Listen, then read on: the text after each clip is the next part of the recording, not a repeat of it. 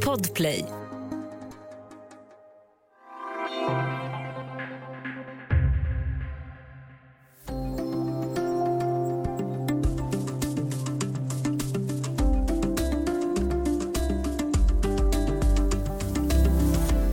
Skottland går till val och partiledaren som kan förändra skottarnas nationalitet är Nicola Sturgeon.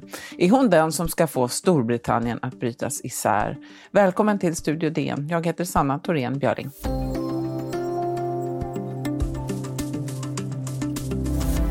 The independence case is a powerful one. More and more people in Scotland are being persuaded by it. And I believe passionately that it is one with the power to unite.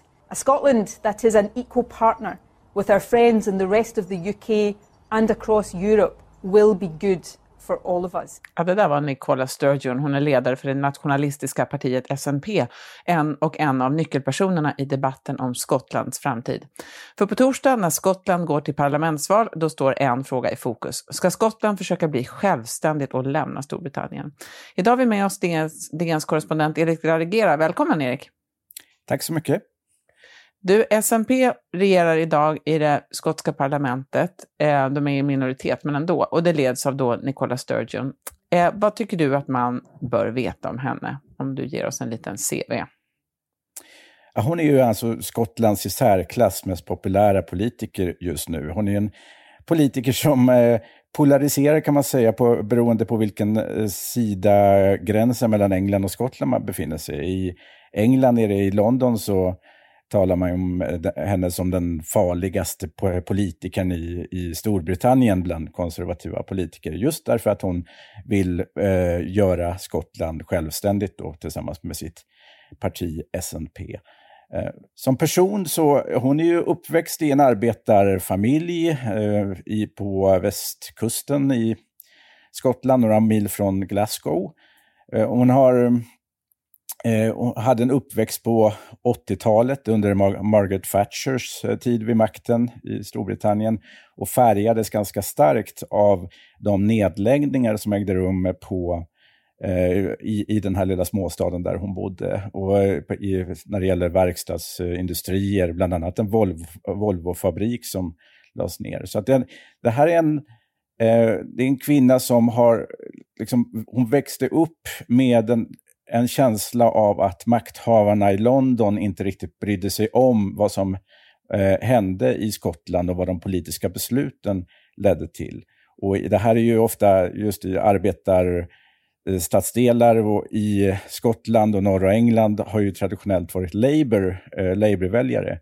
Men hon, eh, Sturgeon, eh, drogs snabbt till eh, SNP, det här eh, självständighetspartiet, och har sen lyckats liksom förena eh, någon typ av vänster och mittenpolitik med det här nationalistiska budskapet om att vi måste bli självständiga för att eh, Skottland ska eh, ha en god framtid.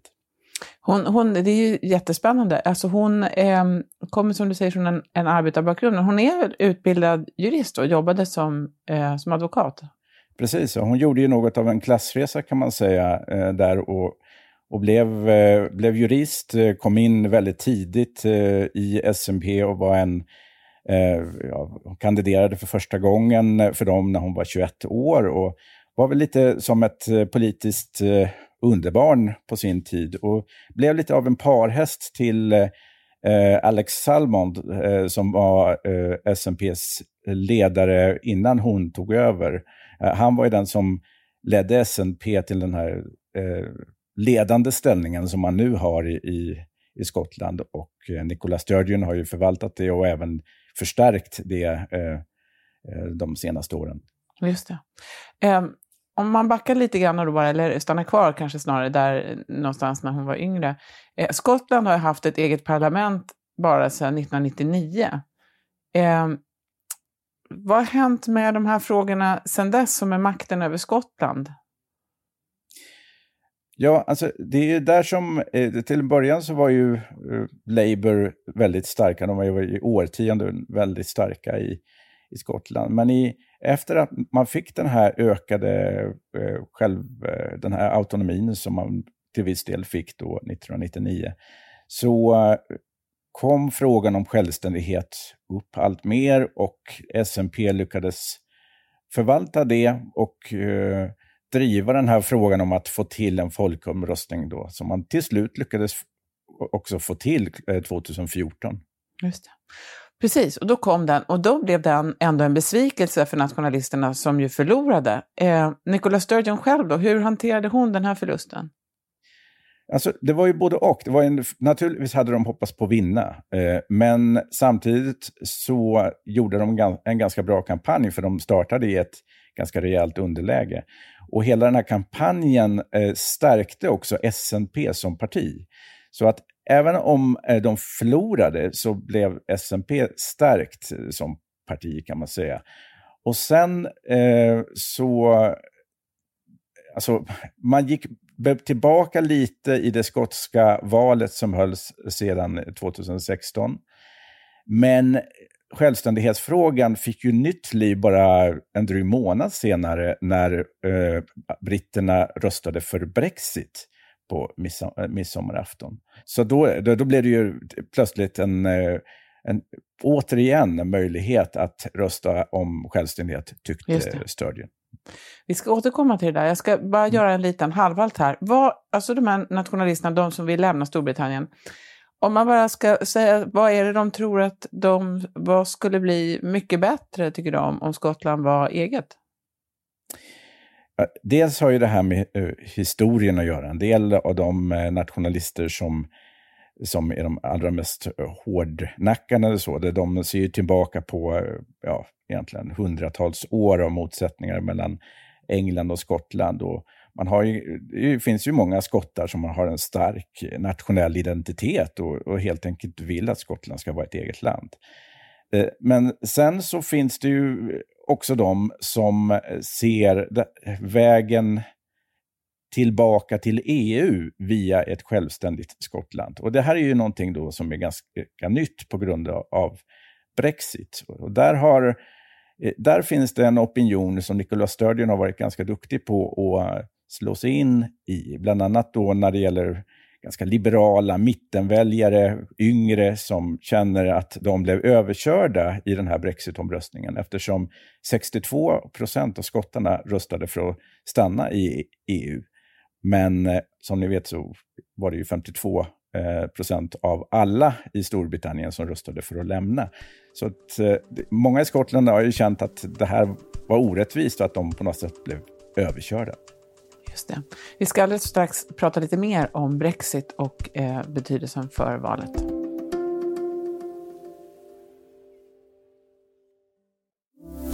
Ja, Studio DN idag med Erik de la Regera som är DNs korrespondent. Vi pratar om Nicola Sturgeon och valet i Skottland. Eh, du var ju inne där på Brexit som eh, har fått en väldigt stor betydelse här. Eh, Nicola Sturgeon använder ju det här då som en, en slags hävstång. Eh, är det rätt eller att säga så? Ja, jag menar det har ju inte gått så många år sedan man röstade förra gången. Så att eh, Boris Johnson eh, i London, han menar ju att det här är ju helt befängt. Man har ju redan röstat om självständighet, varför ska man rösta igen? Han säger att det, eh, det här är bara något man gör en gång per generation och pekar också gärna på att det, till och med Nicola Sturgeon sa ju det faktiskt under kampanjen inför folkomröstningen och så. Mm. Eh, men eh, Sturgeon själv, hon anser ju att Brexit har förändrat allt och att det är därför som man nu måste få möjlighet att rösta igen. Mm. Vi ska höra på vad Boris Johnson sa precis när han beskriver det här som du säger, att det får faktiskt räcka med att rösta någon gång ibland. The only point I would make is that uh, referendums, in my uh, experience, direct experience in this country, are not particularly jolly events. Uh, they don't. They, they change they, things. They don't. They don't have a, uh, a notably unifying uh, force in uh, in the national mood. Uh, they um, they should be only once in a generation, And I think that was what... Well, we're, we're, we're, we're coming, I think that was what... Ja, han är lite nervös, Boris Johnson, för att det här ska hända. Eh, vad har Boris Johnson och Nicola Sturgeon för relation? Ja, den är inte särskilt god, eh, det kan man inte säga. Eh, men det finns ju... alltså, och, han har ju egen erfarenhet av att den här typen av folkomröstningar kan vara väldigt uppslitande. det ju, kan man lugnt säga. Eh, men eh, ja, Sturgeon hoppas ju nu att hon ska kunna eh, få eh, majoritet i parlamentsvalet som hålls eh, på torsdagen. Och det är ju därför som eh, det är så laddat, för att hon menar att det är till stor del ett val om självständighet och att om skottarna då ger henne, eh, hennes parti SMP, möjligen tillsammans med de gröna som också stöder eh, självständighet, eh, Eh, en majoritet, då tycker hon att Skottland ska få en ny chans att rösta eftersom Brexit eh, då enligt henne har förändrat själva förutsättningarna för, för medlemskapet i, i, i Storbritannien egentligen. Men hon är ju också, eh, har jag läst, då, att hon är ju väldigt, det har du skrivit också, en, en strateg. Hon spelar det, det långa spelet och hon vill inte kasta sig ut, eh, är ju hon noga med att säga. Hon har, hon har sagt så här. I don't believe we should uh, propose a referendum right at this moment. I, am a right. lifelong believer in independence. I, I, want Scotland to be independent. But firstly, we've got to steer the country through the crisis. And of course, we've got to build the majority for independence through patient persuasion. Um, and people who are serious about achieving independence, I think... Ja, the crisis hon pratar om här, det är väl eh, pandemin då. Men eh, varför, varför vill hon inte skynda på med det här? Vad ligger i det här för henne? Det är två skäl skulle jag säga. Det finns ju dels eh, så eh, handlar det om att om Skottland ska kunna bli medlemmar i EU så måste det gå till, måste utträdet gå till på ett sätt som eh, ses som legitimt och lagligt både i London och i Edinburgh. Så att eh, hon vill, liksom, hon vill helst undvika den här typen av extremt konfrontativ retorik och att pressa på allt för mycket. Därför att hon vet att om hon inte får tillstånd från London, om hon ändå försöker driva igenom en folkomröstning utan tillstånd, eh, då kommer det bli en eh, strid i, rätt, i domstolar och om då den brittiska regeringen vinner där, då kommer det bli väldigt, väldigt svårt för Sturgeon att gå vidare om hon hoppas kunna få EU-medlemskap sen. För att det är ju många länder i Europa som, som Spanien och Frankrike som har regioner som vill bryta sig ut och de tänker inte på något sätt uppmuntra att man ska kunna bryta sig ut utan centralmaktens godkännande och sen bli medlem i EU. Så det, det, är en känslig balansgång där eh, som hon som hon går. Samtidigt så det andra skälet är att hon eh, faktiskt har en utmanare som är lite mer radikal i det här valet. Det är ju Alex Salmon eh, som vi nämnde där tidigare. Han, är, han var ju tidigare ledare för SMP men har nu bildat ett eh, radikalt litet eh, national, eh, nationalistparti som heter ALBA som då vill gå snabbare tillväga, vill bryta sig ur på en gång och inte är så lika mån om att få det där EU-medlemskapet utan kanske kan tänka sig att vara medlem, eh, medlem i EFTA istället. och så. Så att, eh, och där så vill då Sturgeon markera att det där, det där går inte hon med på, utan det här måste gå i rätt takt och inte, inte så där snabbt som, som Salmon eh, vill. Just det, så hon kan säga, anklaga honom för att vara oseriös helt enkelt. Eh. Precis, mm. det, det, är en sån strategi.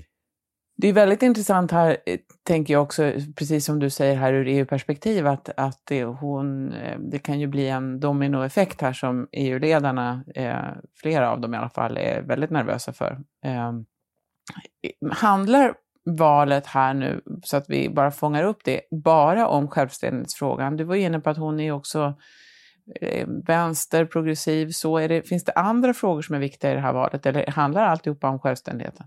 Eh, nej, så är det ju inte. Alltså det finns, en, jag menar, det finns andra sakfrågor som diskuteras ganska livligt i Skottland. Bland annat eh, så driver SMP, man har frågan om gratis tandvård.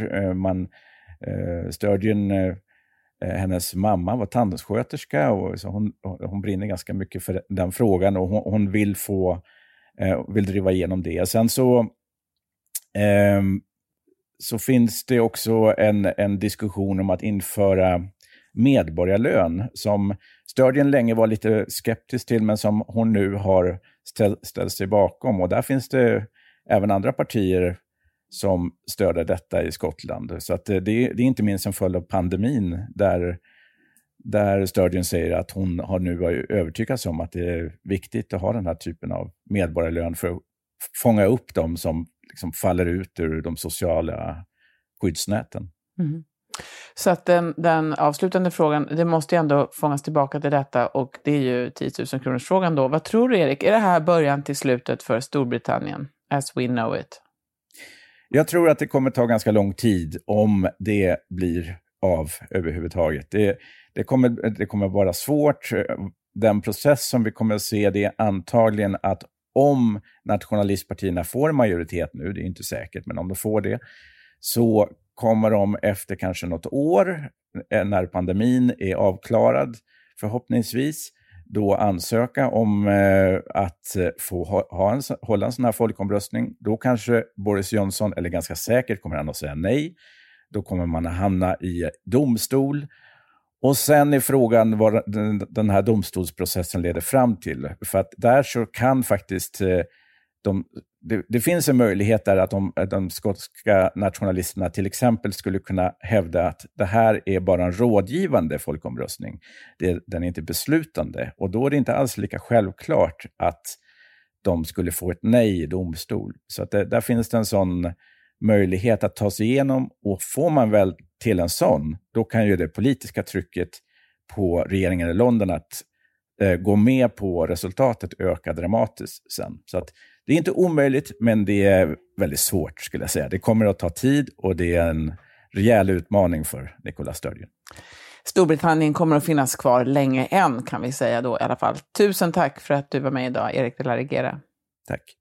För ljudillustrationerna idag står BBC och BBC Radio 4 Today. Imorgon ska Studio DN handla om migrationskrisen vid gränsen mellan USA och Mexiko. Och Studio DN görs för Podplay av producent Sabina Marmelakai, exekutiv producent Augustin Erba, ljudtekniker Patrik Miesenberger och teknik Oliver Bergman, Bauer Media. Jag heter Sanna Thorén Björling.